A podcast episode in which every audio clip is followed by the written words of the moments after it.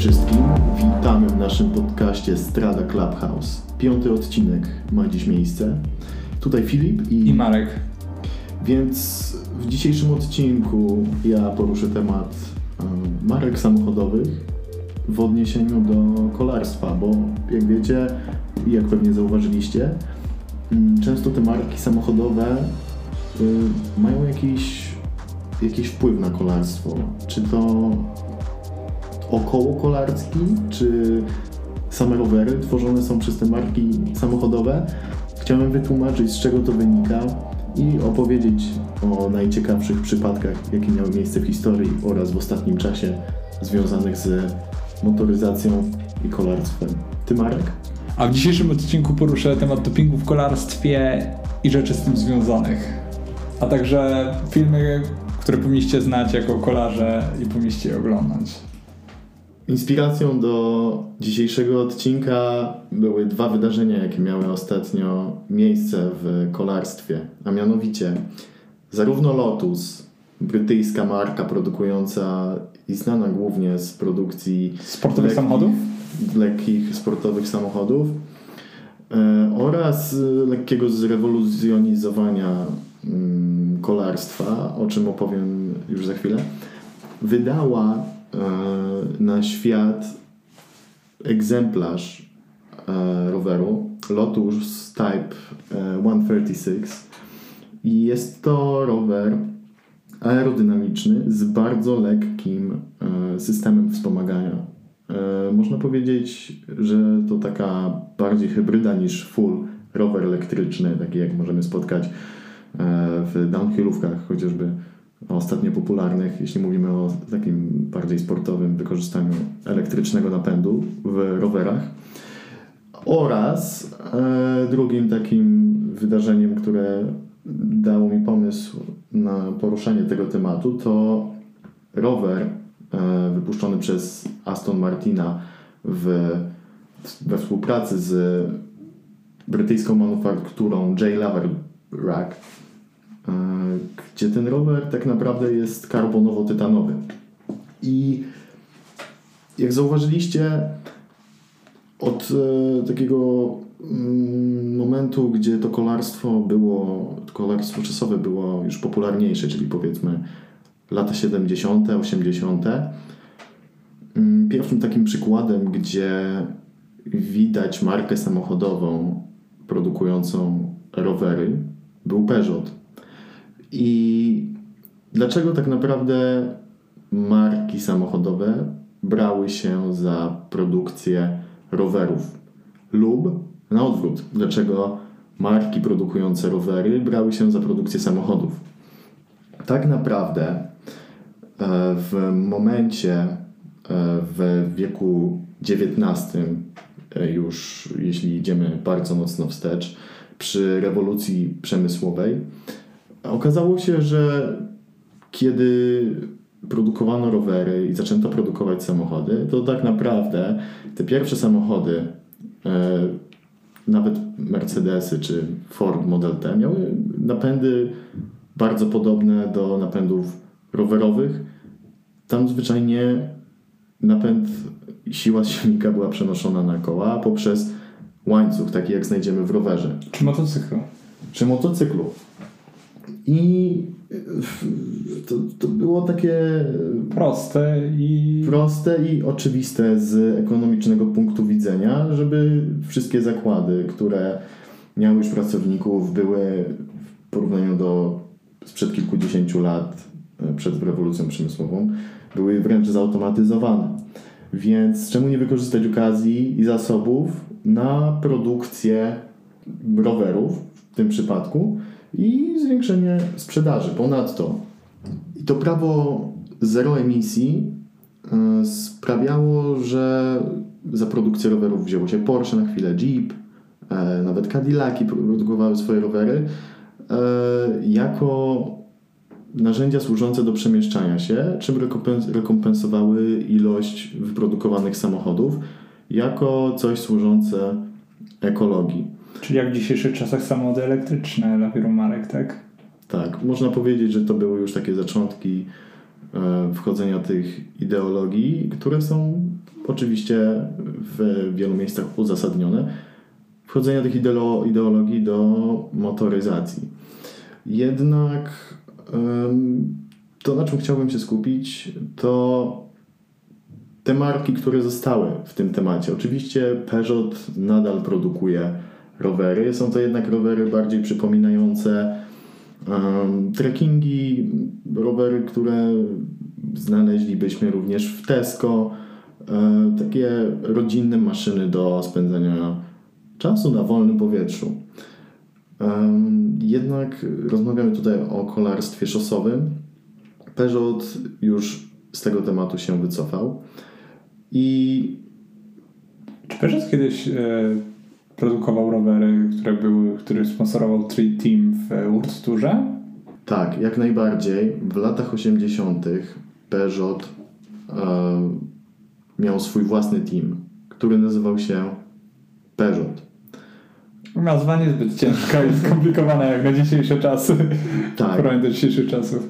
Tak, Peugeot jak najbardziej posiadał swój własny pro team kolarski i swoją drogą był też tak naprawdę Peugeot zaczął od produkcji rowerów, bo już w XIX wieku zajmował się również produkcją innych przemysłowych rzeczy, e, jednak mm, u przełomu wieków XIX i XX zakład, francuski zakład skupił się na produkcji rowerów i tutaj to wyglądało tak, że w ciągu I wojny światowej przez ten okres mm, czterech lat trwania tej wojny Peugeot zbudował 63 tysiące, budował 63 tysiące około e, rowerów na rok. Jak na tamte czasy to był dobry wynik.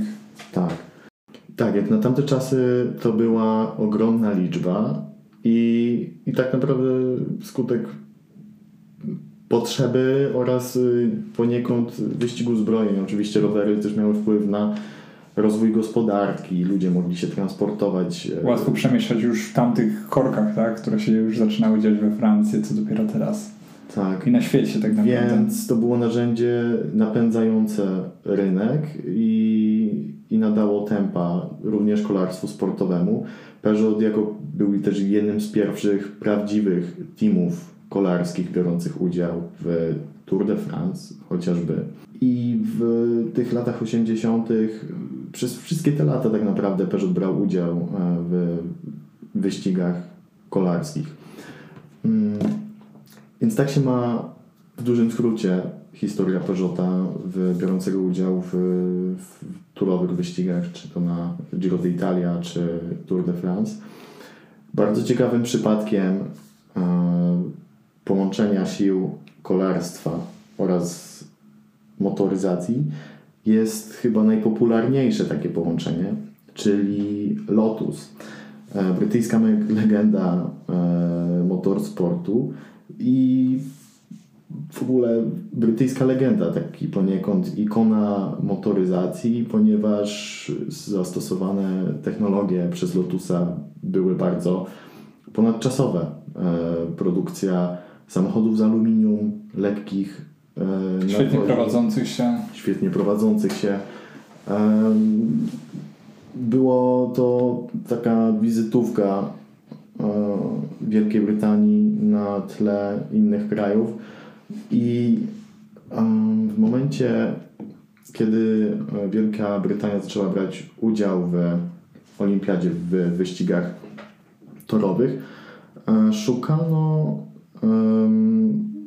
tak naprawdę producenta e, roweru, który dobrze się spisze w tej indywidualnej jeździe e, po torze. I tutaj z pomocą e, przyszedł wcześniej wspomniany przy drugim już odcinku naszego podcastu Mike Barrows, który wyszedł z inicjatywą zbudowania dla brytyjskiego teamu roweru e, dzięki prasie, e, roweru karbonowego z wykorzystaniem prasy. Ten projekt, e, który Mike Boros chciał zapoczątkować w 1987 roku, został wstępnie odrzucony przez e, brytyjskich producentów rowerowych, e, ponieważ nikt nie chciał się podejmować tak dużego wyzwania. To znaczy, wiele firm produkujących wówczas rowery nie miało do tego najzwyczajniej technologii i tak. wiedzy. Czyli jest podobna sytuacja trochę też z brytyjskim brandem e, Dyson, tak? E, też ich żaden z większych producentów nie chciał współpracować z nimi, aż w końcu projekt to był dużo, dużą rzeszę popularności. Tak, i kula śnieżna już się potoczyła. Tak. E, jak każdy wie, jeden z większych producentów AGD tak naprawdę na rynku. I świetnych odkurzaczy. Tak, i oczyszczaczy powietrza. I suszarek. Akurat w Krakowie oczyszczacze powietrza to dobry pomysł. Tak, przynajmniej cztery na mieszkanie. E, I tak, Mike Burrows e, chciał zbudować ten rower. Ci producenci nie chcieli z nim współpracować. Jednak z entuzjazmem podeszła do tego federacja brytyjska Federacja Kolarstwa. Jednak tutaj e, z problemem pojawił się, pojawiła się Unia Kolarska, UCI, e, ponieważ takiego typu projekt był najzwyczajniej nielegalny wedle ich norm. Mm, no i tak naprawdę w tym 87, kiedy pomysł pojawił się w głowie Mike'a Burrowsa, odpowiedzialnego za projekt Gianta TCR, E, został schowany i zmieciony pod dywan. Trzy lata później, natomiast w 1990, Unia Kolarska cofnęła to ograniczenie, które nie pozwalało na budowę roweru czasowego e, single speedowego e, z wykorzystaniem monokoku, czyli budowy właśnie z prasy jednego kawałka karbonu tak naprawdę. Musiały to być rowery stalowe, aluminiowe, połączone ze spawane. E, do tego czasu e, Mike Burrows e, przez te 3 lata stracił entuzjazm do, do tego koncertu i tak naprawdę on przez ten czas, wtedy jeszcze nie było TCR-a, przez ten czas TCR oczywiście, tutaj napomnę, powstał w latach 90. po tym jak Mike Burrows zaczął pracować z Lotosem. I przez ten czas, 3 lat, do 1990, on skupiał się na e, tych recumbent e, bajkach, e, powiedzmy, czyli e, rowerach całkowicie obudowanych, w których leżymy i były to e, rowery nastawione na aerodynamikę, rozwijanie dużych prędkości, takie samochody, motocykle. Czyli bicie takich rekordów. Tak, e, rekordów prędkości. I tutaj na, pamiętam, że to było chyba na jakimś spotkaniu e, bądź targu.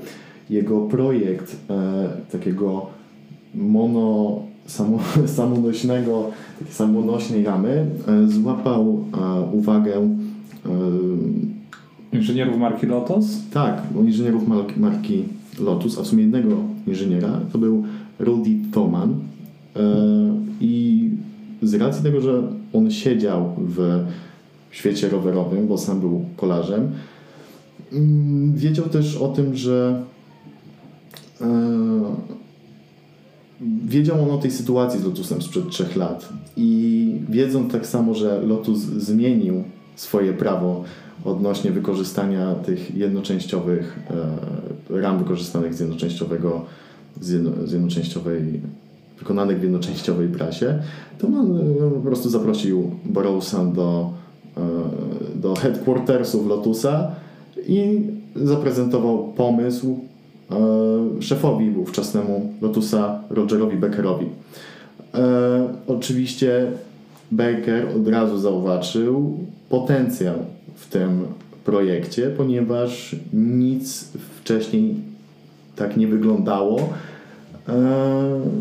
i nie miało potencjału na e, taką efektywność. Jeśli chodzi o ramę rowerową, też tak naprawdę to było coś rewolucyjnego na rynku, nie? Gdzie mieliśmy jednak klasyczne ramy i wyglądające jak jednego rzutu, nie? Tak. E, więc tak, mamy tutaj na, w prognozie współpracę ikony motorsportu Lotusa e, z światem kolarstwa, e, jednocześnie reprezentowanie Wielkiej Brytanii na e, rynku światowym w sporcie olimpijskim. No i jeszcze poza tym byłaby to, byłby to świetny sposób na zutylizowanie wizji i technologii Lotusa oraz geniusza Mike'a Borowsa do połączenia tych wszystkich umiejętności i wielkich głów, e, co sprawiłoby zapewne w głowach e, ówczesnych szefów Lotusa no, na zwiększoną sprzedaż i ogólny awareness o marce Lotus. Więc. Yy... Która w latach 80. miała się dobrze, z tego co pamiętam, bo była w Jamesie Bondzie i wielu innych tak jakby mainstreamowych e, rzeczach. Tak, więc a jednak... była to wciąż e, kolejna okazja do jeszcze większego zwiększenia świadomości. Śmiem twierdzić, że w tamtych czasach nawet mm, Lotus był podobnie szanowany jak marka Porsche.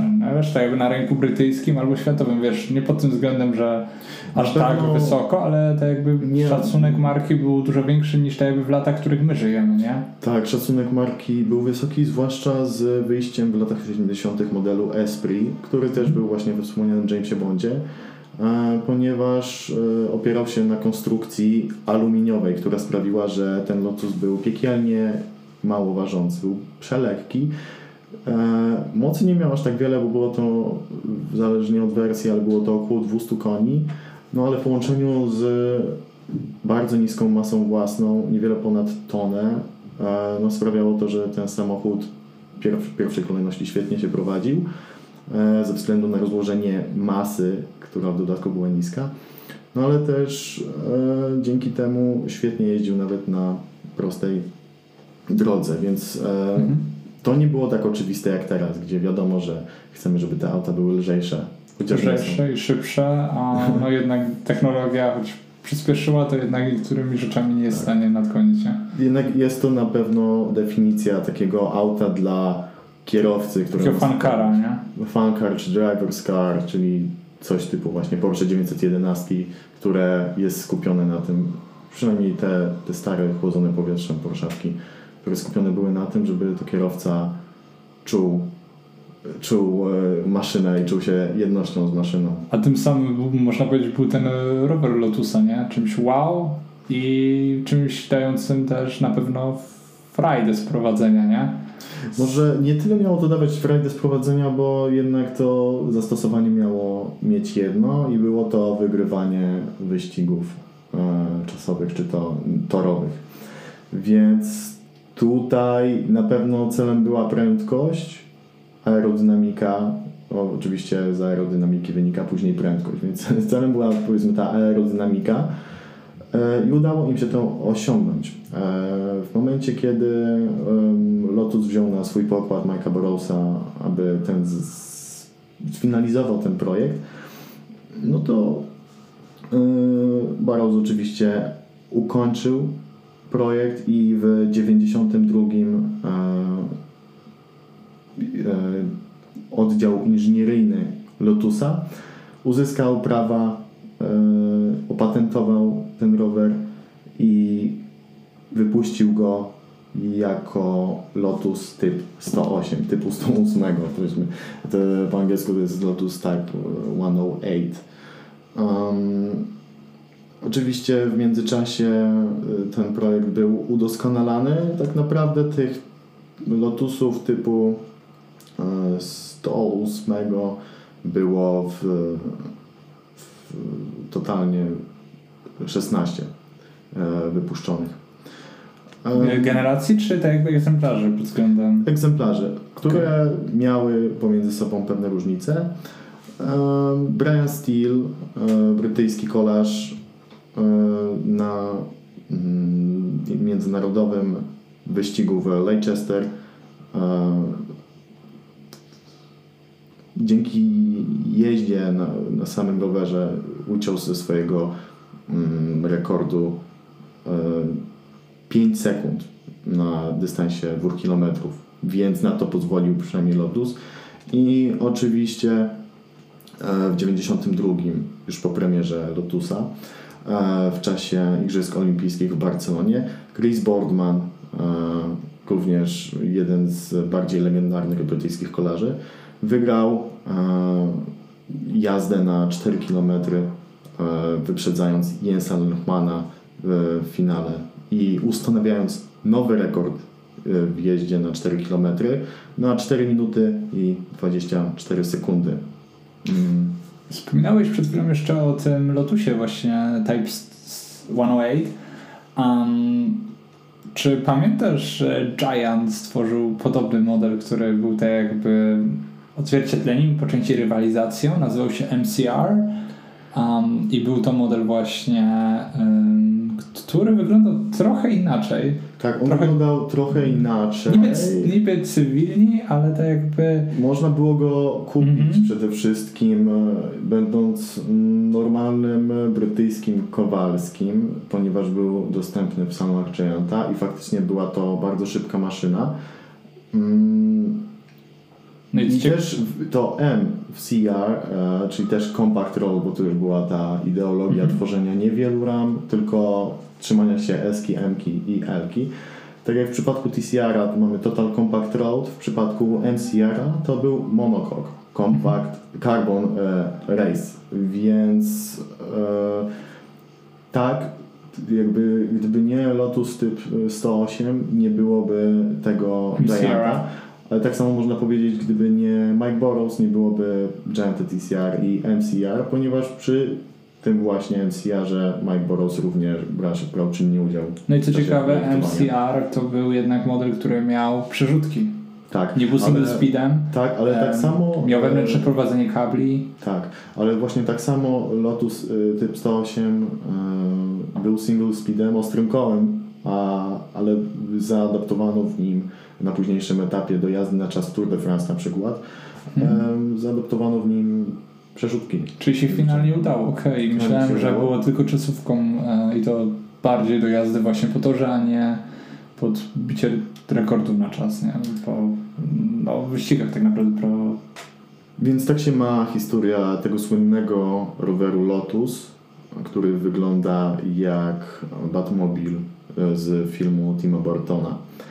Więc co do ostatniej premiery wspomnianego na początku Lotusa Type 136, e, no to tak, Lotus wypuścił rower, lekki rower, jak na standardy rowerów ze wspomaganiem elektrycznym, mianowicie waży on 9,7.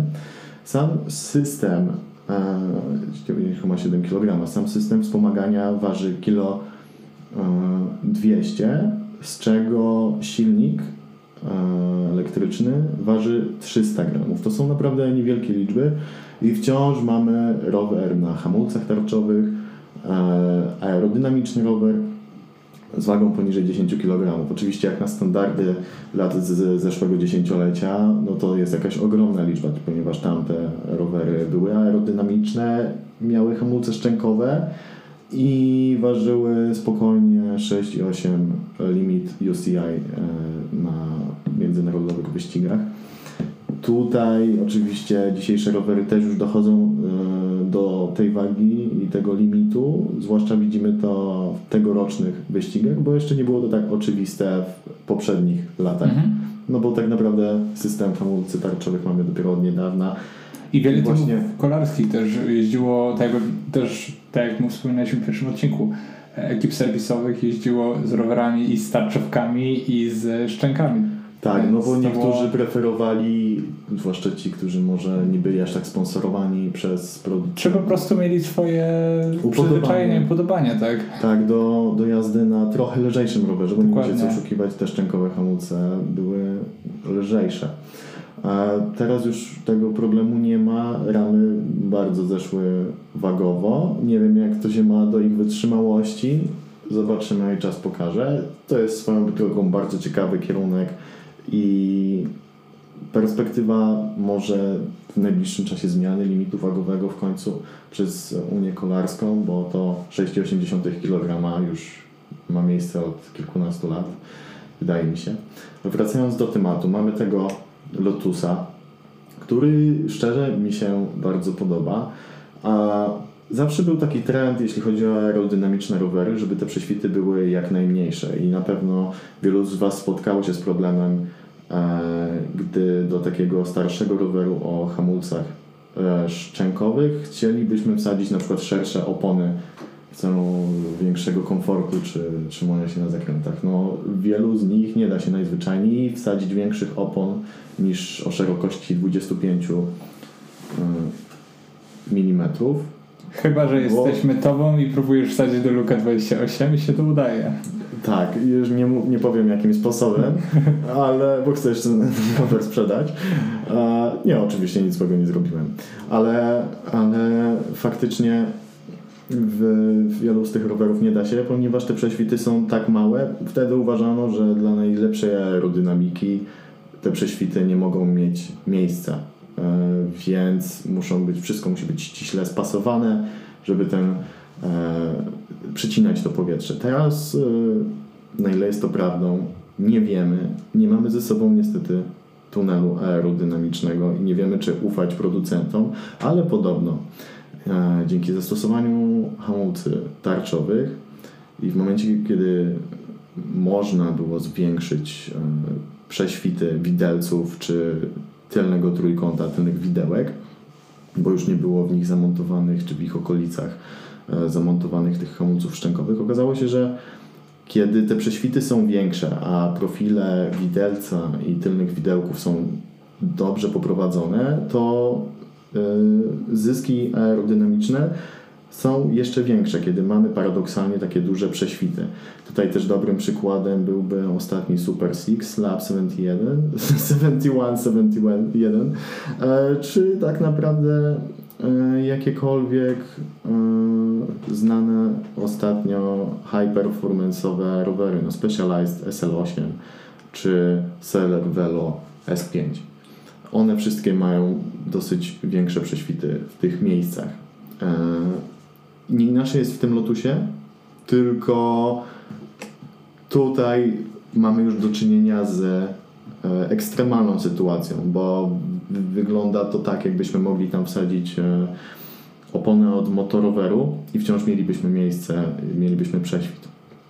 E, Sam projekt wynika z podobnie do, do sytuacji z typem 108 Lotusa, e, wynika z torowego modelu Lotusa, który miał bardzo podobne profile i podobno był najszybszym w tunelu aerodynamicznym e, rowerem e, trakowym o ostrym kole do jazdy w, po torze Tam po velodromie. Tak. Więc najzwyczajniej po zaimplementowaniu paru zmian do całej konstrukcji wsadzono do tej ramy silnik elektryczny, e, upraszczając całą sytuację, oraz e, zastosowano możliwość wsadzenia tam przerzutek, hamulcy i mamy tego Lotusa Type 136, e, który wygląda bardzo fajnie i nie jest e, przesadnie zmodernizowany. Ta sylwetka, mimo że jest futurystyczna, wydaje mi się, że się dobrze zestarzeje.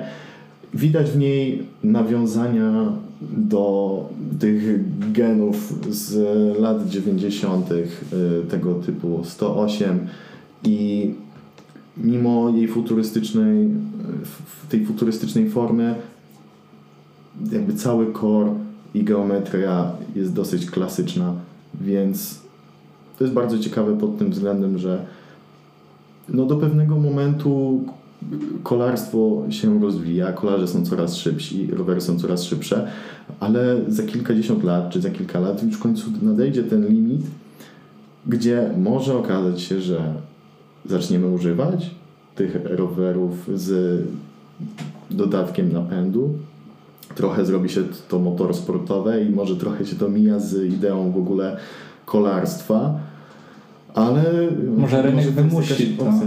Tak.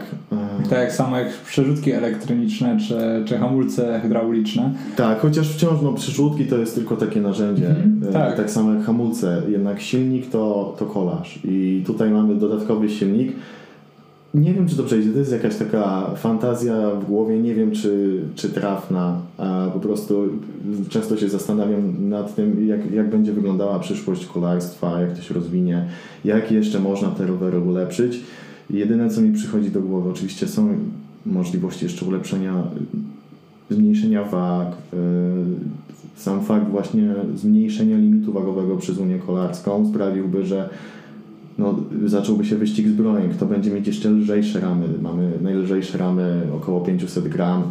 E, okaże się, że co, będziemy mieć jeszcze ramy 300 gram, czy zupełnie inaczej, nie, nie wiem, pozbędą się producenci e, dolnej rury prowadzącej do supportu od siedzenia. No, mogłoby się stać coś podobnego jak z Lotusem i wyścigiem zbrojeń, tak?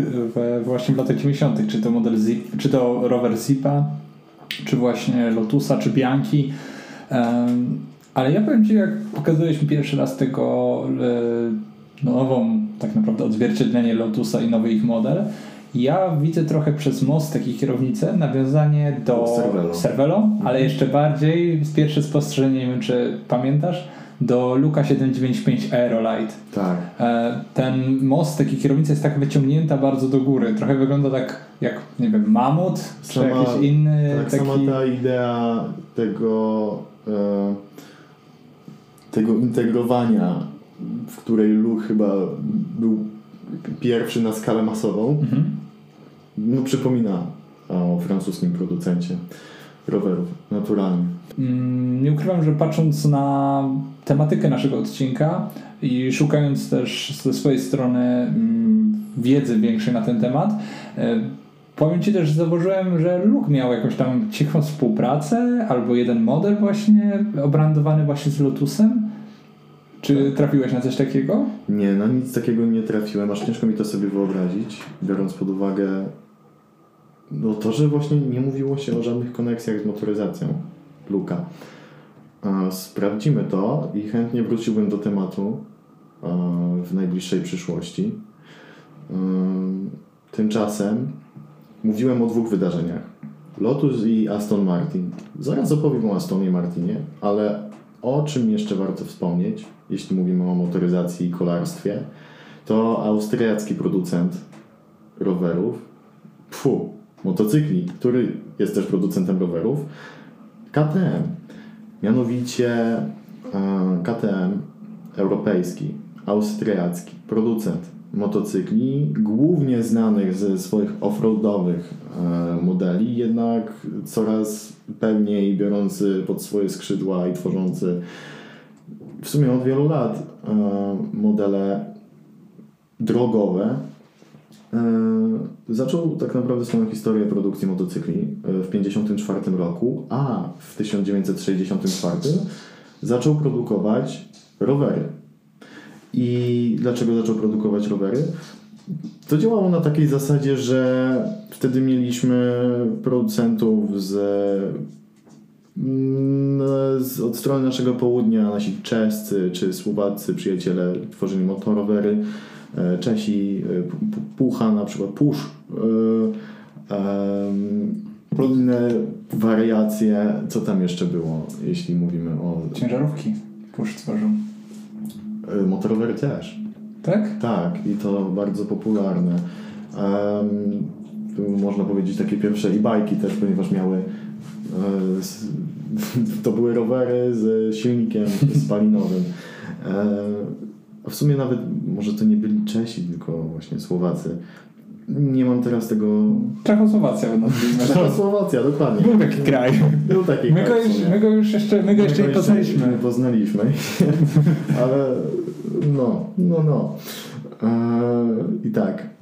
W 64 KTM zaczął produkować te rowery. Dlaczego? Eee, tak naprawdę mówiłem o tym puchu, e, europejskich producentach, ale wówczas również Yamaha, Suzuki tworzyli swoje motocykle i ci producenci byli największymi producentami, e, więc oni tak naprawdę nie mieli miejsca na tworzenie dodatkowych produktów no, związanych z kolarstwem, a KTM z racji, że jest austriacką marką, z racji swojego geograficznego położenia, chciał spróbować w tym rynku, zwłaszcza, że jest w Europie, gdzie to kolarstwo się rozwija prężnym tempem i najzwyczajniej zaczął produkować te, te mm, te rowery, żeby wykorzystać swoje zasoby. Mieli swoją fabrykę do produkcji motocykli, więc czemu nie połączyć paru stalowych rurek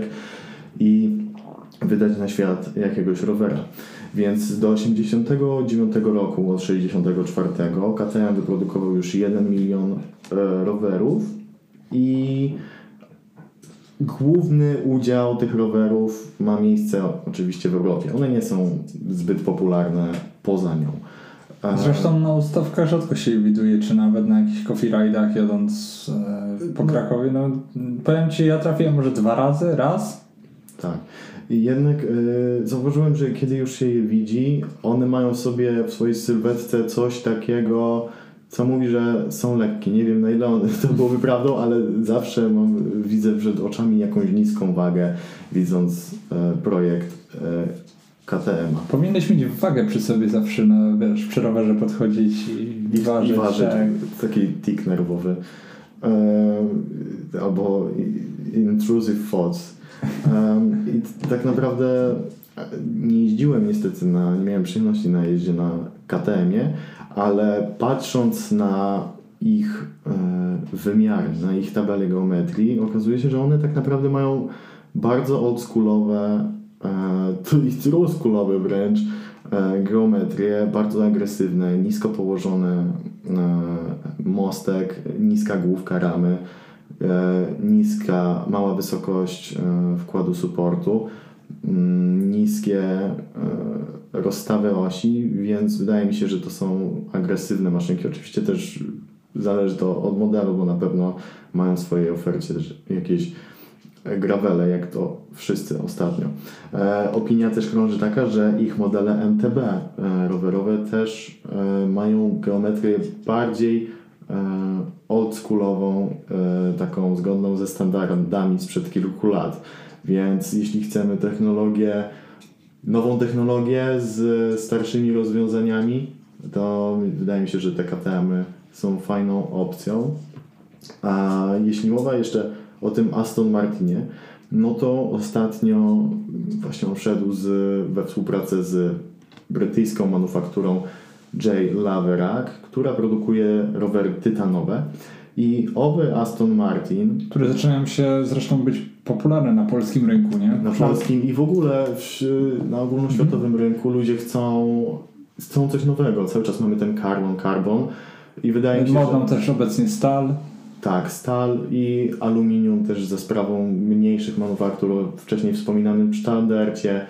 E, to jest, no tak, faktycznie coraz popularniejsze. Choć y, ja też zacząłem może polski, bo pierwszy raz trafiłem na tytanowy rower w takim życiu codziennym, e, to było akurat tytanowe rondo, wiesz?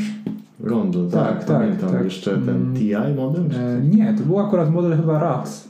E, mm. Nie, to był model Root tytanowy właśnie. A, tytanowy Root. Tak, tytanowy A, on miał chyba tylko oznaczenie TI. Tak, tak, tak, dokładnie. Tak, faktycznie wcześniej wspominane rondo. Przy... To jest rzadkość, też jest e, jednak wyceniana e, tak, że, że, że to wiadomo, to jest nowość na rynku w szczególności polskim, więc, więc y, cena nie jest i ten popularność roweru też nie jest popularna na tyle, że możesz go spotkać wszędzie, tak. ale no miałem okazję w dwóch sklepach rowerowych y, w Krakowie trafić widzieć. na niego tak. i widzieć, mieć nawet w ręce.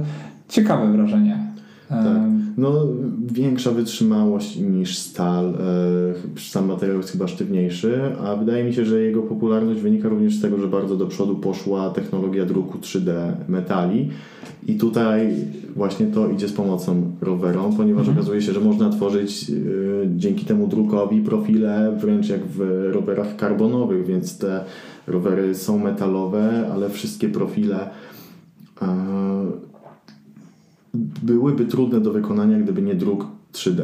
I właśnie. stąd właśnie ten Aston Martin, tak? I stąd ten Aston Martin, yy, wystęgowana yy, również ikona brytyjskiej motoryzacji, weszła ze współpracę z tą manufakturą i stworzyli w pełni, w pełni, w pełni zintegrowany rower karbonowo-tytanowy. Trochę wyprodukowany w ramach e, takiego staroszkolnego myślenia. Mianowicie tutaj mamy te nowe mufy, które są wsadzone karbonowe no, rurki bądź profile. Y, rurki to to nie są, ale mówię o tym w kontekście do staroszkolnej produkcji rowerów, bo tak właśnie produkowano pierwsze e, rowery karbonowe, czyli w aluminiowe bądź stalowe mufy wsadzano zamiast stalowych rurek czy aluminiowych karbonowe właśnie. Tak powstały pierwsze rowery karbonowe. Tak wygląda sytuacja z ramą. Z ramą zintegrowana jest również sztyca. Mostek w tym Aston Martinie oznaczonym jako 1R. E, wykonany jest również w technologii druku 3D e, z tytanu. Co jest bardzo ciekawe, to zintegrowane w widelcu i tylnych widełkach hamulce czterotłoczkowe, więc mamy tutaj do czynienia z Mm, albo jakiś podwykonawca to zrobił e, pod Aston Martina, albo sam Aston Martin wyszedł tutaj ze, z tą inicjatywą i stworzył na poczet tego roweru. A czy oni nie współpracują z marką Hope przypadkiem? Bardzo możliwe. Swoją Bo drogą... te hamulce wyglądają mi podobnie do hamulców marki Pope, Hope właśnie. Hope. Young, tak. Hope. E, marki Hope właśnie, która jest popularnym zamiennikiem też na, Na pewno- hamulców właśnie dla produkcji Srema. Na pewno sam Hope e, we współpracy z Lotusem tworzy dzisiejszego Type 136, czy wcześniejsze modele sprzed kilku lat Lotusa. Więc tak wygląda sytuacja z Aston Martinem. Ciekawa e, właśnie e, z Twojej strony Spostrzeżenie. e, spostrzeżenie. Ale tak. ja- wiesz co, nie wiem czy pamiętasz, ten Aston Martin swego czasu miał swój team kolarski. Mm, Nazywa się One Pro Cycling. Tak, i chyba w 2012 miał ten team początek. Od tego roku chyba w ogóle Aston Martin zaczął produkować rowery. Istniał tak naprawdę do 2018 roku. Mm, Też taka ciekawostka, jeden z polskich kolarzy, e, pochodzący też z Małopolski, Karol Domagalski jeździł na, na rowerze właśnie brandowanym Aston przez Aston Martin. Martin E, i tak naprawdę teamu, którego sponsorował właśnie Aston Martin. Więc taka ciekawostka to jakby z życia kolarskiego i Mhm. z życia, życia codziennego. Warto byłoby kiedyś spytać e, kolarza właśnie na temat tego, jak się jeździło na rowerze Aston Martina, bo Tak, i czy miał e, możliwość katapultowania. e, Tak jak James Bond. Jak James Bond, tak. E, tylko kogo katapultować, jak nie siebie w takim razie. chyba, że przeciwnika, wiesz, to miałeś jakąś możliwość tego zrzucenia z tyłu. Tak, albo działka przy, przy widelcu. Aż tak się rozpędzamy? Tak. E, dobrze, i tak, e, mamy tego Astona Martina. Rower wygląda przepięknie, wszystko jest zintegrowane, wydaje się lekki i w sumie jest lekki, bo waży 7,5 kg za no, cały rower. Ich cena zaczyna się od 15 700 e, funtów, więc jest to dość sporo, ale nie aż tak dużo jak. Oczywiście to jest ogromna ilość pieniędzy jak na rower, ale Widząc ostatnią sytuację ekonomiczną związaną z rowerami, jakieś topowe modele większych manufaktur, które mimo wszystko są tańsze, nie są aż o tyle tańsze Wiesz, to jest, to jest niedużo wyższa kwota niż Lab 71 Tak. tak. Cannondale'a, więc Tak. No jednak też y, myślę, że zastosowanie jest inne. Z Tak. innego powodu kupowałoby się takiego Astona Martina niż Lab 71, ale y, bardzo ciekawa sytuacja. Teraz odpowiadając na pytanie, które zadaliśmy w tytule. Dlaczego w ogóle producenci samochodowi współpracują z, z ideą kolarstwa? Dlaczego tworzą rowery? Albo dlaczego producenci ówcześni rowerów zaczynają tworzyć samochody tak jak Peugeot? Wydaje mi się, że niektórzy, niektórzy producenci zwyczajnie mieli, byli w odpowiednim miejscu, w odpowiednim czasie, w odpowiedniej ekonomii i wykorzystali swoje zasoby do produkcji tego, żeby zwiększyć swoje obroty. Najzwyczajniej to wszystko. E, Ponadto to prawo zero emisji mające miejsce w około latach 70. e, również się do tego przyczyniło i wtedy również w to weszł, wszedł Opel, który już teraz nie tworzy tak zaciekle rowerów, ale wówczas y, produkcyjnie i ilościowo był na równi z Peugeotem. Również się wtedy załapał w ten trend. Poza tym... teraz już są jedną marką przez koncern Stellantis. Tak? Tak. E, Opel został kupiony najpierw przez e, koncern e, PSA tak zwane. Czyli francuski. Czyli francuski, do, którego należy, do którego należał Citroën, Peugeot, marka DS, No i tak naprawdę został zakupiony właśnie przez Peugeot, przez koncern PSA, mhm. który został później, kilka lat później, w niedługim okresie wykupiony przez e, największy i tak naprawdę stworzony został największy koncern na świecie zwany Stellantis, e, który obejmuje marki od marek amerykańskich poprzez e, marki europejskie. A czy oni nie mieli nic wspólnego z Saabem w ostatnim czasie? Saab należał do General, General Motors. I też tak e, samo do Opla. Tak samo jak Opel należał do General Motors. Okej, okay, czyli taka była koneksja. I później właśnie Opel został sprzedany przez General Motors do koncernu PSA. Mhm. Mm, a później koncern PSA połączył się z największym koncernem FCA, e, obejmujący właśnie marki amerykańskie i włoskie, stąd mamy największy koncern na rynku zwany Stellantis. E, ale wspominałeś jeszcze właśnie o rowerach i brandach związanych z, produkcją samochodów. Ja zauważyłem jeszcze takie jedno spostrzeżenie, ponieważ nie wiem, czy trafiłeś na markę Van Ryssel. To była marka taka bardziej kojarzona z marketową marką początkowo. E, producentem właśnie jest Decathlon. A czy to nie było tak, że Decathlon francuski Yy, ma swoją tak jakby podlinię. Te, tak, podlinia, ale właśnie tych bardziej performance'owych, tak. sportowych. Bo większość osób kojarzy trajbany przez to, że są po prostu tanie i, i są też popularne, nie, nie ukrywajmy na, na ścieżkach rowerowych. No ale Van Rysel jeszcze wypuścił ten rower, który był a, w tym roku bo po, podchodzą takie plotki, że mm, Van Ryssel ma być sponsorem Cofidisa i prawdopodobnie to zostanie potwierdzone, e, ale tak naprawdę wypuścił Lee Rover, który wygląda kosmicznie. Coś na wzór, coś pomiędzy właśnie tym Lotusem nowym, mhm. a właśnie a właśnie czymś zupełnie innym i to była współpraca właśnie z firmą Autodesk, która dostarcza oprogramowanie do projektowania w 3D. Tak. No i jest to model Van Ryssel PNPL 3.0. niestety to jest koncept, który nie zostanie pokazany. Ale chyba tam do jego produkcji wykorzystane zostały zrecyklingowane materiały. Tak. Chyba y, tworzywa sztuczne. Mhm. Dlatego też ten widelec jest przejrzysty i wygląda tak totalnie kosmicznie, tak. co jest dużą rzadkością. Co też może będzie miało miejsce wykorzystanie tego typu technologii będzie miało miejsce do wyparcia może w jakimś dalekiej odległości karbonu. Mhm. Może się Jest okaże, takie prawdopodobieństwo. W jakimś stopniu będzie to lżejsze, czy też sztywniejsze, czy po prostu inne. E, ale to tylko teoretyzowanie. E, jeszcze będąc przy temacie motoryzacji rowerów, przede wszystkim ekonomia oraz możliwość zaprezentowania swoich technologii, zrewolucjonizowania e, czegoś tak prostego jak rower. Zobaczmy, jak długo z nami są już rowery i myślę, że w latach 60.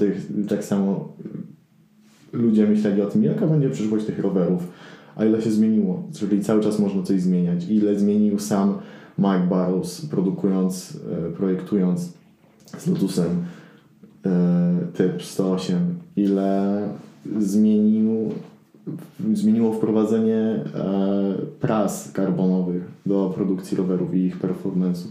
Więc myślę, że to jest fajne medium dla producentów samochodów do pokazania się, do wprowadzenia jakiejś ciekawostki, czy to mniej, czy bardziej inwazyjnej i podbudowanie swojego PR-u. Myślę, że tutaj te rowery Astona Martina e, będą fajnie wyglądały na dachu. Astona Martina.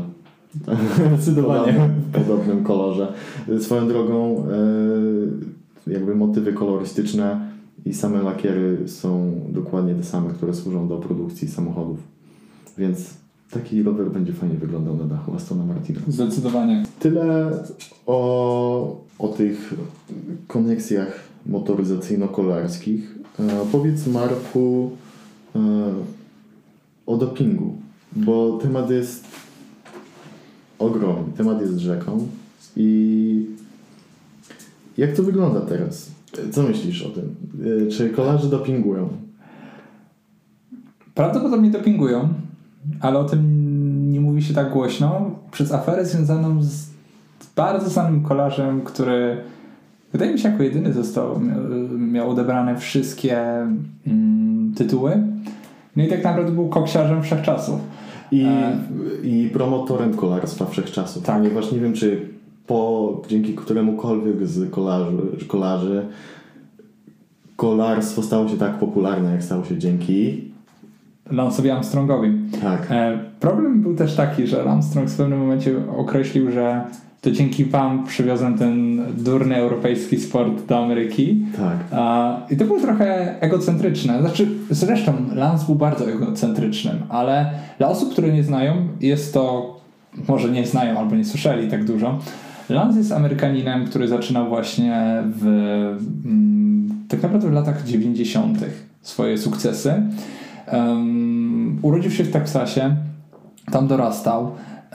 Nie miał żadnych konotacji sportowych, jeśli chodzi o, o kolarstwo z, e, właśnie w swojej e, rodzinie. Mhm. więc tak jakby zaczynał z czystą kartą. Tak naprawdę jego historia zaczęła się od tego, że wypatrzył go znany e, w Ameryce Jim Olchowicz. Ochowicz, przepraszam. Był to trener? Był to trener ale był to też były kolarz. Mhm. Um, był tak naprawdę dyrektorem generalnym, osobą zarządzającą w teamie 7-Eleven. Mhm. Zresztą już zrobiącym się popularnym na świecie marką 7-Eleven. Um, widział coś właśnie w Lancie i nakłonił go do tego, aby skupił się na kolarstwie. Ponieważ Lance też swego czasu chciał bardziej uderzyć w triatlon. Mhm. Um, no i zaczęło się tak, że właśnie Lance początkowo był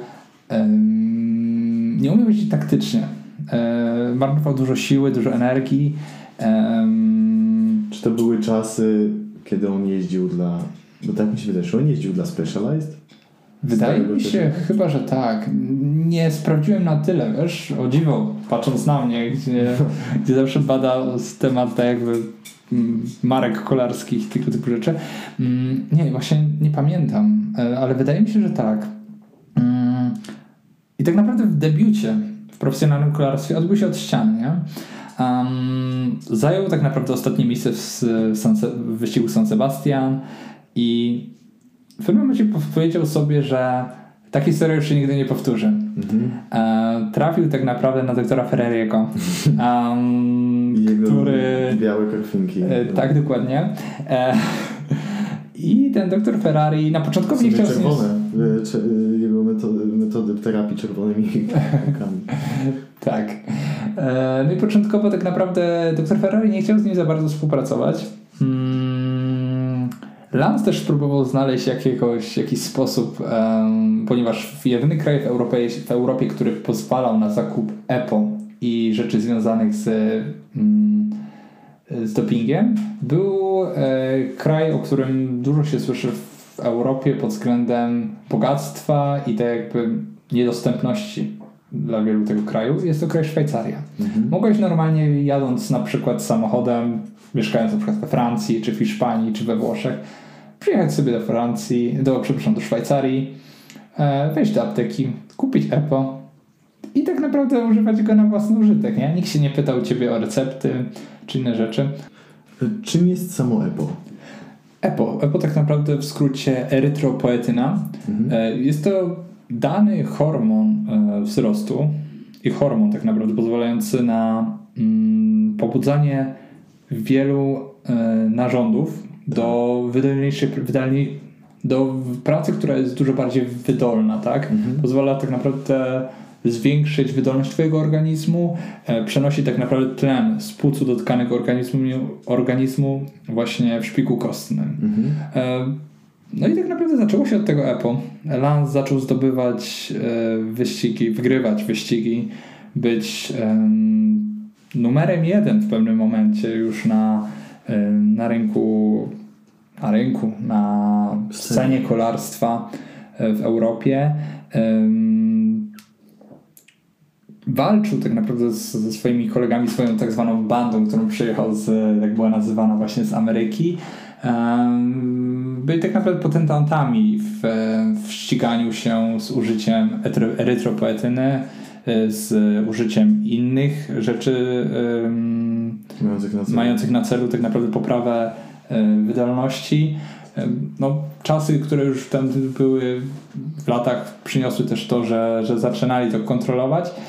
Ale też pozwolę sobie powiedzieć, że Unia Kolarska trochę przymykała oko na to, e, bo jak popatrzysz, to Lansowi pozwolili wygrać tyle wyścigów z rzędu i tak naprawdę nie skontrolowali tego na tyle, żeby móc sprawdzić i dowiedzieć się na temat tego, że on tak naprawdę ćpał, ale po prostu nie mówili o tym wprost, tak? Dla chęci promocji kolarstwa, które no w tamtych tak. czasach miała swój swoją gorszą chwilę, tak? Był Marco Pantani, który był idolem, był Lance Armstrong, było dużo znanych kolarzy, ale mm, nie było takiej postaci, która byłaby właśnie tak. takim archetypem przezwyciężenia trudności, ponieważ Lance Armstrong również był chory, na, mhm.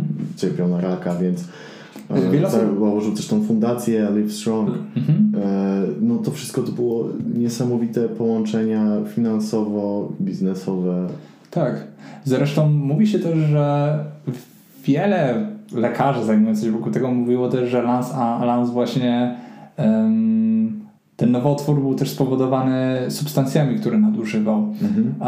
Nie wiem na ile to jest prawda, nie jestem lekarzem i wiem, że, że mogło to mieć jakiś wpływ, choroba, po której wrócił, tak naprawdę stał się zupełnie innym człowiekiem, tak? Najpierw David Walsh, który przeprowadzał nieraz z nim wywiad, um, mówił o tym, że jest, um, widział w, w Lansie potencjał, ale nie spodziewał się, że to będzie aż coś takiego i zaświeciła mu się lampka właśnie wtedy, że coś jest nie tak. Więc dzięki temu też przeprowadził swoje śledztwo w którym opowiem trochę później też e, w temacie właśnie związanym z, z, z moim tematem. ale to jakby temat dopingu był ciężki w latach 90. E, tak naprawdę koniec XX wieku był horrorem, jeśli chodzi o, o właśnie doping, tak? No nie było wyścigu, w którym nie mieliśmy mm, afery. afery, tak. Były sytuacje właśnie, gdzie zespół Festina, na pewno go kojarzysz. Tak. I to był właśnie Festina, tam jeździły Specializedy, jeszcze mm -hmm. zanim te Specializedy były tak popularne jak teraz. To nie było tak, że Specialized był wtedy guru rowerowy mm -hmm. tak. tylko to była początkująca firma y, na scenie kolarstwa sztucowego. Były właśnie sytuacje, że wiesz, przyjeżdżali przez granicę y, normalnie z elementami dopingowymi, bo tak można to nazwać. I tak naprawdę przyjeżdżali um, przez granicę i myśleli, że nic się nie stanie, nie? nie tak jakby wiedzieli, brali normalną lodówkę turystyczną, jakbyśmy dzisiaj pojechali, nie wiem, na jakiś road trip rowerowy, zostawili ten rower i przejeżdżali z czymś przez granicę, oni sobie normalnie, wiesz, nie robili z tego nic, bo tak to było normalne w tamtych czasach. Tak. tak. I jakie patologie również były akceptowane, a mianowicie EPO powodowało, że jakby ciało w stanie spoczynku i serce bardzo spowalniało mhm. do tego stopnia, że w trakcie snu, w pewnych fazach snu e, to bicie serca było naprawdę niskie. Wydaje mi się, że mogło spadać do 20 uderzeń na minutę. Bardzo niska wartość.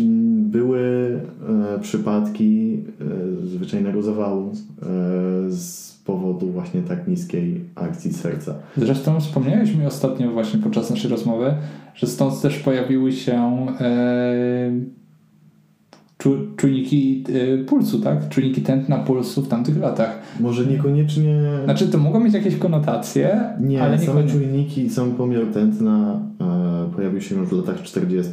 Uznano, że warto wiedzieć przy jakim obciążeniu kolarze, jaki mają puls i uznano, że to może mieć wpływ, jeszcze nie wiedziano jak bardzo, ale wtedy te lata 40. już pozwoliły na mierzenie tętna, więc zaczęto to robić. Mhm. Um, a same czujniki y, były bardziej dla danych podczas wyścigu niekoniecznie do tych momentów, kiedy oni szli spać, wtedy spali ze zwykłymi monitorami mhm. serca. Nie, to, to jestem świadom. Bardziej e... myślałem, że czy miał tu styczność, wiesz... Raczej nie. Z tego co wiem, to nie. E... Kolarze nastawiali sobie budziki bądź e, alarmy w momencie, kiedy to tętno spadało poniżej jakiejś wartości. Wsiadali na trenażer, żeby rozruszać e, swoje ciało, podbić akcję serca i iść spać dalej. dobry sen rzeźki poranek. No tak. Mm, ale 20-25 lat temu tak naprawdę koksowanie było wszechobecne na, na scenie kolarstwa. I tak naprawdę były sytuacje, gdzie kolarze opuszczali pokoje hotelowe, które zajmowali właśnie podczas wyścigów, a sprzątaczki potrafiły wynosić worki pełne zużytych strzykawek i opakowań po tych środkach, tak? Tak. Um, I mm, kiedyś słyszałem właśnie opinię, mm, że kolarstwo było na takim samym poziomie zaufania jak kulturystyka, która no, zawsze kojarzy się jednak ze sterydami, z rzeczami związanymi z, em, z rzeczami, no, które, które są niezbyt zdrowe dla, dla, tego, dla zdrowia. I też był, kolarz był przyporównywany do napakowanego właśnie sterydami mięśniaka, nie? Tak, Tylko tylko- taki był odbiór społeczny. Tak, i bo tu chodzi o to, że ciężko nie przyznać się do tego, że coś bierzesz, kiedy wyglądasz jak jesteś kwadratem 2 na 2 albo 2 na 1,5 metra e, mięśni. No to oczywiste, że e, bez wspomagania e, same ludzkie hormony nie wystarczą do produkcji takiej masy mięśniowej i do ich utrzymania. I dlatego obiegowo to fakt, że kulturyści bardzo często zażywają wszelakie substancje, tak samo był to wtedy fakt, ponieważ już nie można było z tym walczyć. Ale w ogóle tak pomyślałem sobie w trakcie naszej rozmowy, że może całe to ćpanie w kolarstwie i doping to jest jego nieodłączna część, no bo popatrzmy na pierwsze etapy Tour de France, które były mordercze, na morderczych szosówkach. E, Wtedy normą było to, że zawodnicy brali ze sobą e, oprócz jedzenia, narzędzi dentek, e, ampułki z morfiną, kokainę, inne substancje pobudzające, pito alkohol, no aby tylko dojechać i, i na tym polega ten profesjonalny sport, że za wszelką cenę zdobywasz tą wygraną, nieważne jak nadzwyczajając swoje ciało. Może gdyby nie było wokół tego takiego tabu, nie byłoby nawet tematu. I profesjonaliści ćpają różne... Tak. Chociaż nie, no może nie idźmy aż w ten...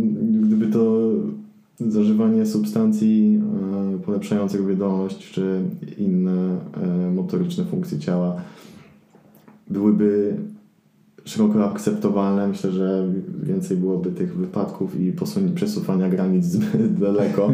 Jeszcze mamy to jakoś w ryzach, ale zauważmy, że tak, jakieś najbardziej e, mm, kultowe podjazdy, które, na których rekordę wciąż ma Pantani czy Armstrong, nie są przebite czasowo. Byłoby to zbyt oczywiste, jeżeli w tym momencie ktoś przebija e, czasowo jakiś podjazd Pantaniego, zaczęłyby się podejrzenia, ale już mniej popularne odcinki, które mają miejsce na przykład w Tour de France, są znacznie pobite niż te wykonane na, e, na te 20 lat temu chociażby. Więc to jest ciekawe. Oczywiście technologia poszła do przodu, trening poszedł do przodu. To na pewno ma wpływ na lepsze wyniki, ale wciąż 7 watów na kilogram to jest bardzo dużo, ile się wyciąga. I czy jest to możliwe nawet z idealnie zoptymalizowanym treningiem? No to jest pytanie. Ciekawe pytanie, ciekawe Tak. pytanie. Zresztą- skłaniające do refleksji. No zresztą dużo osób zastanawia się to w przykładzie, przykładzie Jonasa Winiko czy Tadeja Pogaczara. Mhm. No bo mają też niesamowite wyniki, nie? Jak się na to popatrzy. Tak. Czy to są wyniki w 100% szczere? Nie wiemy. Czy zdrowe? Też nie wiemy. E, wiemy na pewno, że temat tak jakby... Wiemy też na pewno, że nie przychodzą za darmo, to jest wciąż wielkie poświęcenie. Tak. I to nie jest tak, że jeśli nawet jeśli ci kolarze coś zażywają, to, to jest tak, że idą na łatwiznę, jeśli wszyscy zażywają, to nagle się okazuje, że wszyscy są na bardzo podobnym poziomie. Zresztą mówiliśmy ostatnio o temacie e, Marka Cavendisha, który chce pobić rekord właśnie Ediego Merckxa. Tyle, że przypomnij sobie, że Eddie Merckx pod koniec swojej kariery em, został już sprawdzany e, na e, temat dopingu. I, i wiele rzeczy było podważanych, więc Tak, wydaje mi się, że Biorąc Cavendish- pod uwagę też y, jego image jako ikony brytyjskiego kolarstwa, nawet jeśli coś zażywał, kto by chciał jakby pozbawiać go tego, bo ponieważ ludzie chcą słyszeć te historie, które są wspaniałe swoją drogą, nawet jeżeli coś się tam działo. Każdy mógł to robić i dzieje się to na co dzień w sporcie, więc to nie jest tak, że yy, naiwnie wierzymy, że sport jest czysty i tak dalej, ponieważ no, w każdych aspektach życia przesuwane są granice.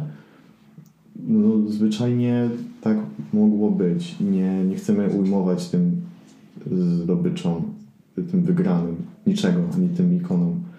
Tylko sama tematyka jest po prostu ciekawa, dlatego ją poruszamy. Popełniłeś też błąd. E, Mark Cavendish, Anglik, e, Brytyjczyk, a Eddie Merckx był Belgiem. Belgiem, Boże. Tak, ale nie chciałem Ci przerywać, bo akurat bardzo e, ale dobrze, że, mówiłeś, ale więc... bardzo dobrze, że to mm. wychwyciłeś. Tak, tak, tak było. Um, co jeszcze? Tak naprawdę temat um, środków dopikujących trochę lisnęliśmy. Też musiał to rozwinąć jako jeden cały odcinek. Um, w dzisiejszych czasach tak naprawdę jeszcze, mhm. chyba że chcesz o czymś wspomnieć, tak? Nie, kontynuuj. W dzisiejszych czasach mówi się, że jest coraz lepiej, tak? Że mniej właśnie kolarzy mm, korzysta z, ze środków właśnie dopingowych. No ale w ostatnich czasach, mm, nie wiem, pamiętasz na pewno Nairo Quintana, tak. e, był przyłapany kilka razy na, mm, na właśnie stosowaniu dopingu, tak? Tak, już w czasach, kiedy domniemanie nie ma nic takiego, Unia o wszystkim wie, wszystko jest kontrolowane i wciąż mamy Dowiadujemy się nagle, że, że znowu mhm. korzystają, tak? Więc mm, zdarzają się od czasu do czasu jakieś ciche fakapy. fakapy. E, niby są tam jakieś dyskwalifikacje, ale finalnie po chwili Coś się oczyszczają. Trochę wygląda mi to właśnie ta sytuacja z lat 90., nie? która mm. też po części pogrążyła Pantaniego. Tak. E, wydaje mi się, że to też mógł mieć jakiś wpływ na to. E, ta sytuacja na jego, na pewno miała na jego tak naprawdę samobójstwo, tak? Na jego śmierć, więc e, na pewno ta rywalizacja z Lance'em Armstrongiem, który tak naprawdę zapisał się na łamach kolarstwa jako wybitny kolarz, mhm. Mm, wpłynęła też na, na patrzenie na, przez nas na doping, tak? No i mm, i tutaj tylko tak wspomnę, mówiłeś wcześniej o filmach. Tak kolarskich, które warto obejrzeć. Przychodzi mi od, od razu do głowy dokument o Pantaniu, chyba, który miał premierę w 2014, mhm. gdzie świetnie pokazana jest perspektywa z oczu e, matki na rozwój kariery Pantaniego i sytuację, gdzie e, ona wiedziała, że coś się może dziać, jeśli chodzi o doping i to te struktury wewnątrzszkolarskie wówczas mogły trochę przypominać takie struktury gangsterskie, mhm. mafijne, gdzie zwyczajnie chodziło o wielkie pieniądze i nie miało się wyboru. Zresztą mm, film, który jest świetny, jak na tematykę kolarstwa. Mhm. Zresztą, jeśli nie oglądacie filmów kolarskich albo nawiązujących do kolarstwa, bardzo polecam Wam od niego zacząć. Niestety jest bardzo ciężki, ciężko dostępny na, mm, na polskim rynku. Mhm. Ja, żeby go znaleźć, tak naprawdę spędziłem, nie wiem, godzinę, dwie na znalezienie w ogóle informacji o nim, mhm. gdzie mogę go oglądnąć. Jaki to tytuł? E, dokładnie w polska nazwa to jest, polski tytuł to jest Pantani Przypadkowa Śmierć Rowerzysty, ale bardziej znana, pod którą znajdziemy ją w, e, w internecie, to jest właśnie Pantani The Accidental Death of Cyclist. Tak, e, jest chyba ten właśnie dokument, o którym Tak, o którym wspominaliśmy. Um, jego premiera miała, była w roku 2014. Um, dużo też jest wstawek w nim właśnie w języku włoskim. Mm, tak. Zresztą skąd pochodził Marco? E, z okolic tak naprawdę Rimini. Mm, jest to film dokumentalny, w którym właśnie przedstawiona jest cała historia Marco Pantaniego bardzo dobrze zrealizowany i tak naprawdę pokazuje ten problem tych lat 90., tak? Tej tak. rywalizacji właśnie i z Lansem i pobijania rekordów przez Pantaniego. Um, a jeśli tak naprawdę jesteśmy jeszcze przy Marku Pantanim, Marku Pantanim i, um, i właśnie filmie, um, bardzo polecam, jeśli chcecie się zapoznać też z tematem kontrolowania tego tego i tego, jak to tak naprawdę procederu? wyglądało, procederu w tych czasach. E, jeśli chcecie się wgłębić temat, e, bardzo Wam właśnie polecam książkę Marco Pantani, Ostatni podjazd, e, którą napisał dziennikarz śledczy, dziennikarz sportowy Matt Randall, który tak naprawdę w pewnym momencie życia mm, przeprowadził się do Włoch i tak naprawdę żył u boku po części Marco Pantaniego i kolarzy. Był trochę inaczej traktowany, ponieważ był Brytyjczykiem w tamtych czasach jako dziennikarz, więc myśleli, że węższy. Czy węszył, czy nie, nie wiem, ale tak naprawdę pokazał to, co było ważne dla, tak jakby, dla osoby, która czyta tą biografię, bo tak naprawdę ta biografia była prawdziwa. Pokazała, no jakim osobą, jaką osobą był Marco.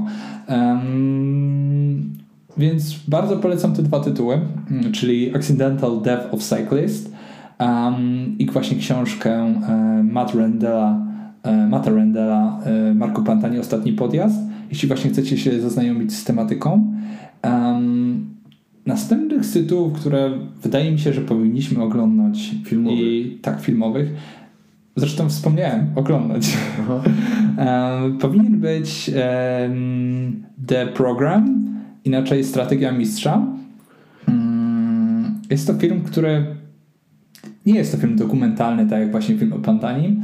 E, Wspomina on problem. Taki biopik o Tak, ale też, też Strongu. tak, dokładnie.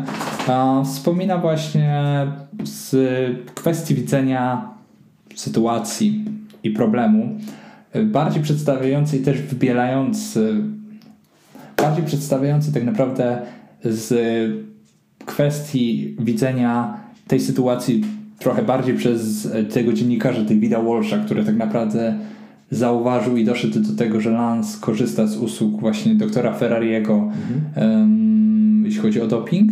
Em, no i ten film tak naprawdę przedstawił sytuację. Mm, Lansa pokazuje, jak oni to robili, pokazuje też te momenty, które ten moment, w którym Lance już kończy karierę i najbardziej uderzają słowa Lansa, może trochę skoloryzowane, może prawdziwe, kiedy Unia Kolarska zakazuje mu tak naprawdę ścigania się i mówi, że to jest dożywotni zakaz wyścigu, a on mówi, ale ja nie mam niczego poza tym.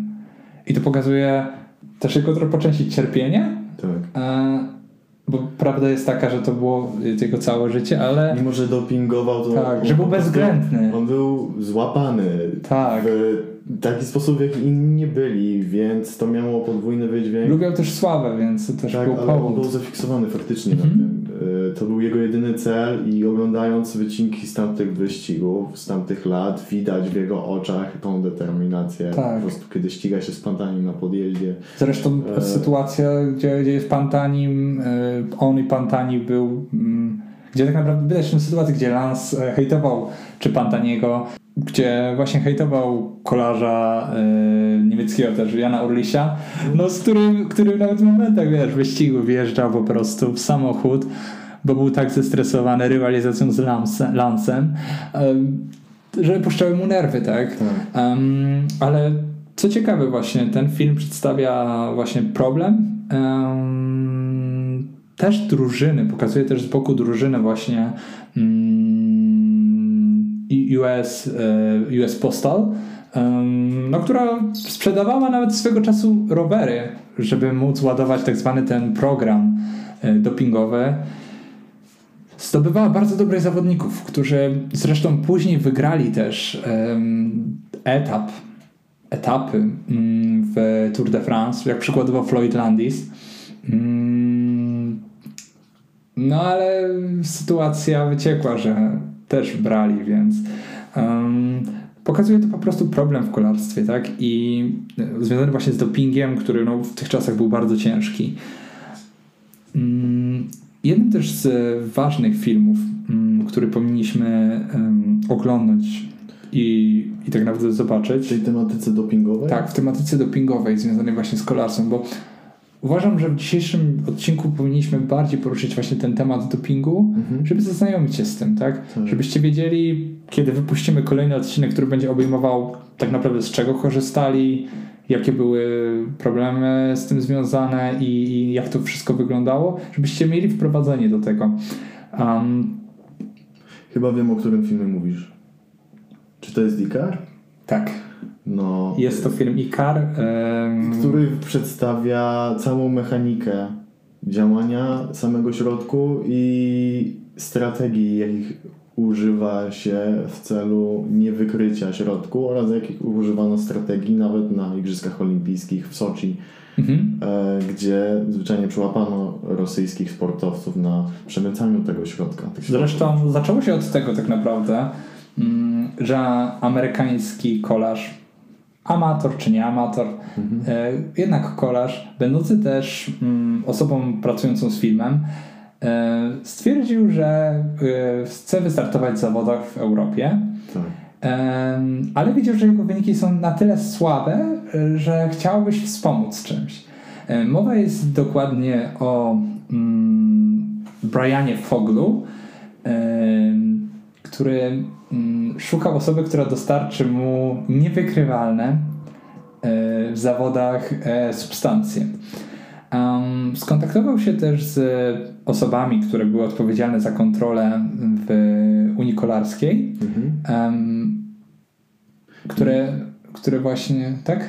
I chyba jedną z tych osób był e, Grigori Rodczenko. E, do Grigoria dojdziemy później, Aha. ale tak naprawdę skontaktował się z osobą będącą właśnie w, em, w Unii Kolarskiej, która wiedziała coś, ale po dłuższym zastanowieniu podjęła decyzję, że jednak nie chce być zamieszana w ten temat, no bo to zniszczyłoby i historię kolarstwa i wiele innych rzeczy, więc wycofując się, e, Brian szukał dalej osoby będącą, e, będąca i mogąca powiedzieć coś więcej.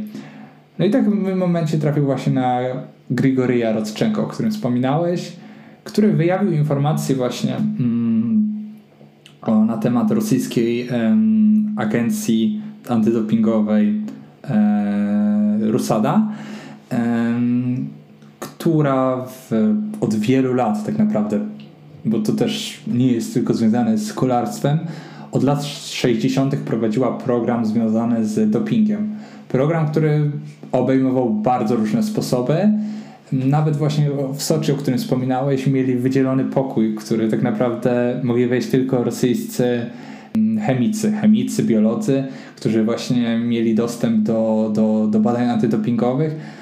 E, Zresztą Rosjanie opracowali nawet ten system tych zamykanych Buteleczek, butelek, butelek który, fiołek. fiołek, który potrafi otworzy, potrafili otworzyć bez e, tej jakby widoczności, że ona była drugi raz otwarta. Tak, Tak, ponieważ e, pamiętam, że ta, e, ta koalicja, nie koalicja, tylko ta organizacja mająca na celu Zniszczenie dopingu. zniszczenie dopingu opatentowała te butelki. Jeden, e, kie- kiedy Rosjanie się o tym dowiedzieli, chcieli opatentować otwarcie tej butelki zwyczajnie, Tak. e, dostęp do tego, co się znajduje w środku i możliwość podmiany. To był podobno system, który jest niemożliwy do obejścia, ale w momencie, kiedy zatrudniono jakiegoś agenta, który po prostu miał to zabrać, rozszyfrować z jakąś grupą, e, zrobił to w 20 minut czy w pół godziny i ta fiołka już była otwarta, możliwa do kolejnego zamknięcia. I więc tak to wyglądało. Także sytuacja właśnie z Rosjanami na, na rynku oszustw e, w kolarstwie w dopingu no była, była ogromna. No. Tak. I to jakby nie tylko w kolarstwie. Mm, Jeśli mowa o filmach, tak naprawdę takie e, wielkometrażowe produkcje. E, no, ostatnio wyszedł oczywiście wspaniały serial e, Netflixa Tour de France Unchained, który fajnie pokazuje, jak wyglądało zeszłoroczne Tour de France od kulis. E, oczywiście bardzo wzniosły wydźwięk tego wszystkiego.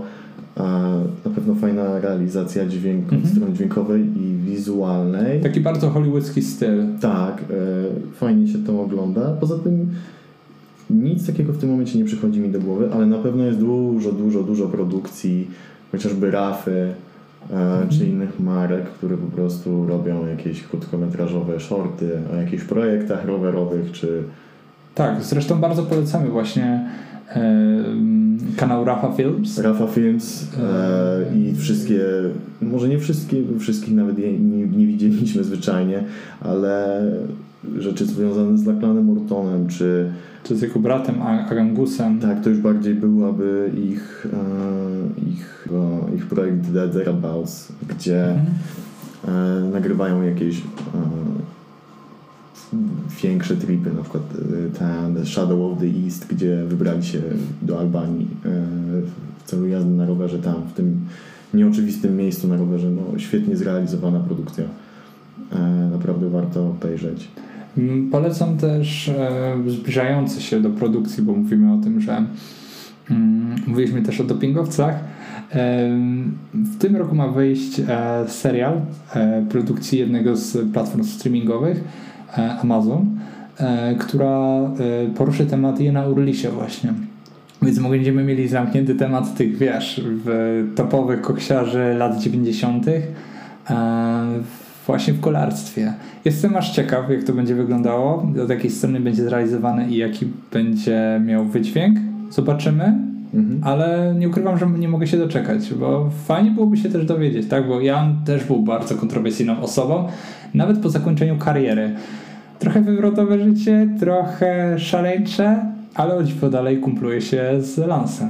Tak. I miał zdjęcie z Tadejem Pogaczarem. Czy łączysz fakty? Ehm, Tak. Także tak. Z ojca na syna i tak dalej, i tak dalej. Ale oni nie są rodziną. Oj, Dobrze, to w takim razie porozmawialiśmy o tym, o czym chcieliśmy rozmawiać. Już szykujemy temat na kolejny odcinek. Klasycznie zapraszamy Was do e, obserwowania nas na Instagramie. Do tak naprawdę ocenienia na każdej platformie streamingowej, której nas słuchacie. Tak, jesteśmy bardzo wdzięczni za Wasze e, komentarze, za Wasze spostrzeżenia. I do zobaczenia w kolejnym, szóstym odcinku naszego podcastu. Trzymajcie się! Do usłyszenia, cześć!